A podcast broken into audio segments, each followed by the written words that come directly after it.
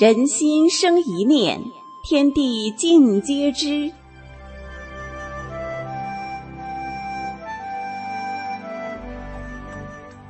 听众朋友您好，欢迎收听明慧广播电台《善恶一念间》节目。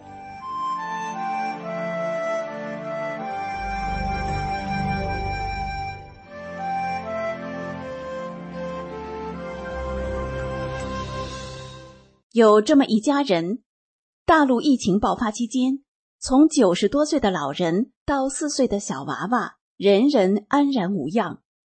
他们用了什么好办法躲过令人恐惧的病毒？请听故事：没有一人染疫的幸运之家。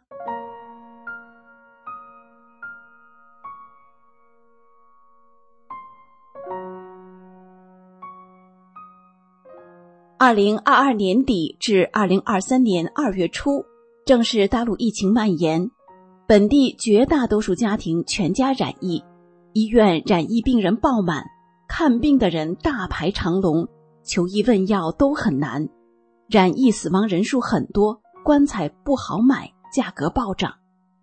据说河北省的唐山开平将焚尸炉烧塌，知情者讲。本地火化的染疫死亡人数一天就有两百人。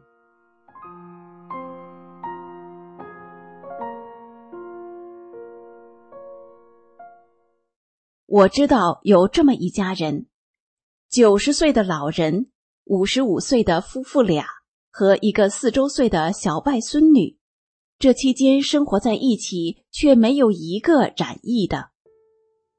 我们办公室有三位男同事，其中一位就是上边提到的夫妻两人中的男主人。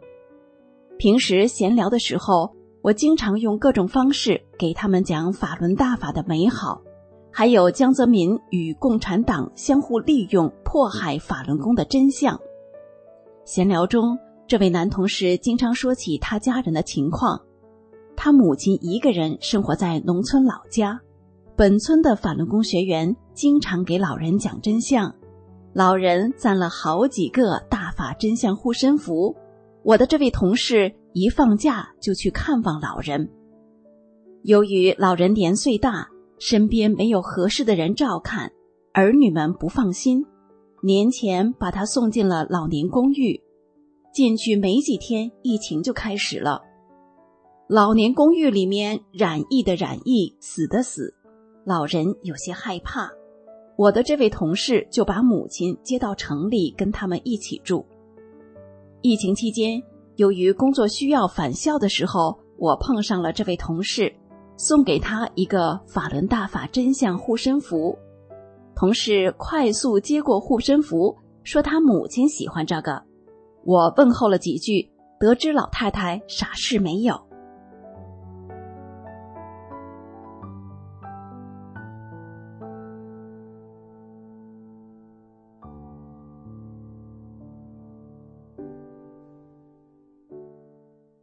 再说说这位男同事，今年五十五岁，当兵的时候入党，党龄很长。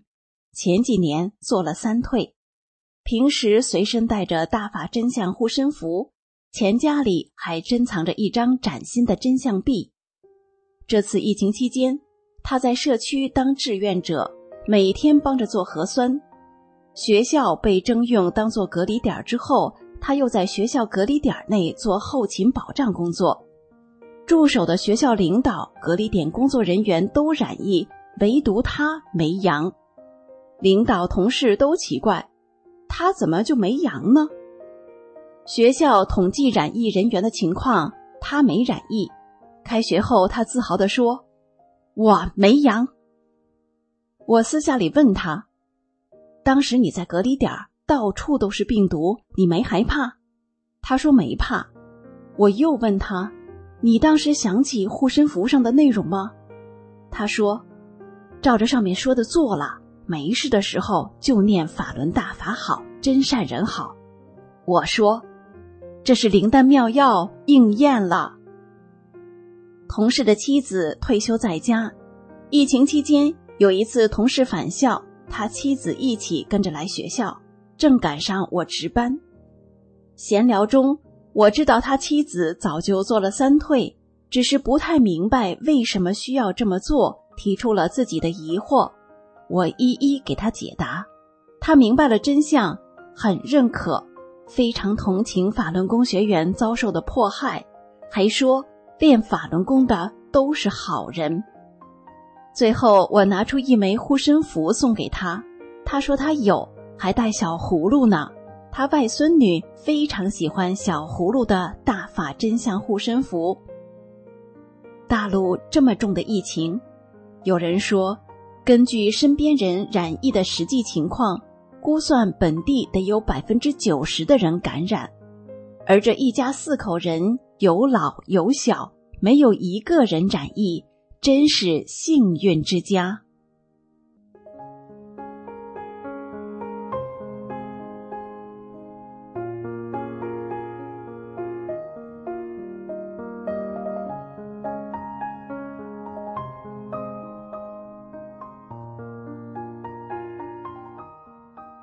从这个实例中，您看出来了吗？